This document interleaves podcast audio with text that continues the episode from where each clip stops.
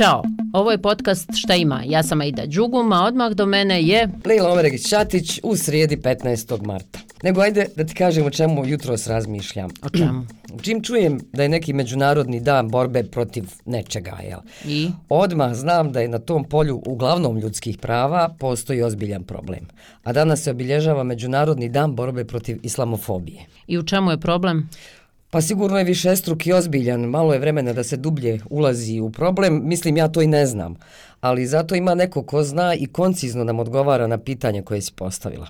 To je profesor Ahmet Alibašić. Problem s islamofobijom je ono što je problem sa svakom predrasudom i svakim rasizmom, a to je svođenje pripadnika jedne grupe na jednu često pretpostavljenu karakteristiku, bez da se ti ljudi kao pojedinci ili zajednica išta pitaju. U pravilu je rezultat karikatura, često faktografski netačna, jer su, na primjer, mnogi sici u zadnjih 20 godina stradali pod pretpostavkom da su muslimani. Čitav proces je dehumanizirajući, konceptualno jer reducira ljudska bića i praktično jer potiče diskriminaciju, uzimanje prava, će mržnju protiv pripadnika određene grupe i u konačnici vodi do zločina iz mržnje onih pojedinačnih ili onih kolektivnih kao što je genocid. Na kraju da pojasnim tvrdnju o rasizmu. Rasizama ima više vrsta, postoji kulturni rasizam, postoji biološki, a islamofobija je vjerski rasizam. A ovom prilikom je i rejs ulema islamske zajednice u Bosni i Hercegovini Husein Efendija Kavazović rekao da borba protiv islamofobije ne smije ostati samo na rezoluciji Ujedinjenih nacija,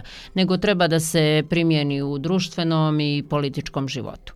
One, two, three, four. Ko od nas nije potrošač i ko se od nas nije suočio u najmanju ruku s tim da nismo zadovoljni proizvodom ili uslugom za koju smo platili? Dakle, svjetski je dan potrošača, a niz je problema na koje nailazimo, pa je svakako dobro misliti na svoj dignitet i ne dozvoliti nikome da te bara. Jeste, ali ima i drugi stvari koje nam recimo ne padaju na pamet zbog svakodnevnih potrošačkih problema. Koje? Fokus ove godine je na osnaživanju potrošača da pređu na čistu energiju. To znači da građani potrošači zahtijevaju svoja prava od države da se što prije uključi u energetsku tranziciju.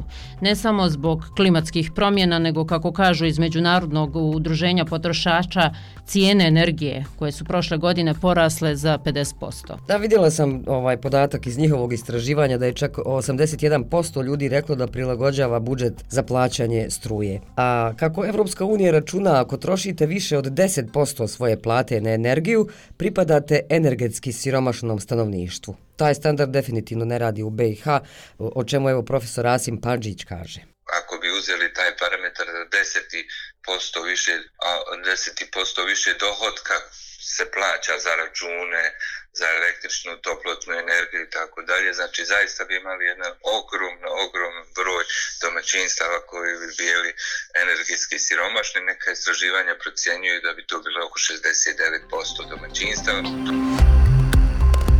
A sjećam se, Lelo, da je u februaru Evropska komisija potpisala i dostavila Bosni i Hercegovini sporazum za energetsku podršku od 70 miliona eura za pomoć najugroženijim domaćinstvima i podršku u energetskoj tranziciji, ono što sam ti govorila malo prije.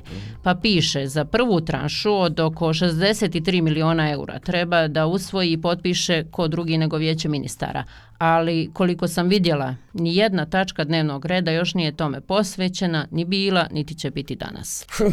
Uglavnom, danas pred vijećem ministara e, sve tačke koje su bile i prošli put, a tiču se institucija, od budžeta preko plata zaposlenih, njihovog regresa, smještaja i odvojenog života, nego šta još ima ida. Pred predstavničkim domom federalnog parlamenta je nacrt zakona o načelima i za materijalnu podršku za osobe sa invaliditetom koji bi trebalo, kako ocjenjuju udruženja, da poboljša njihov položaj u društvu.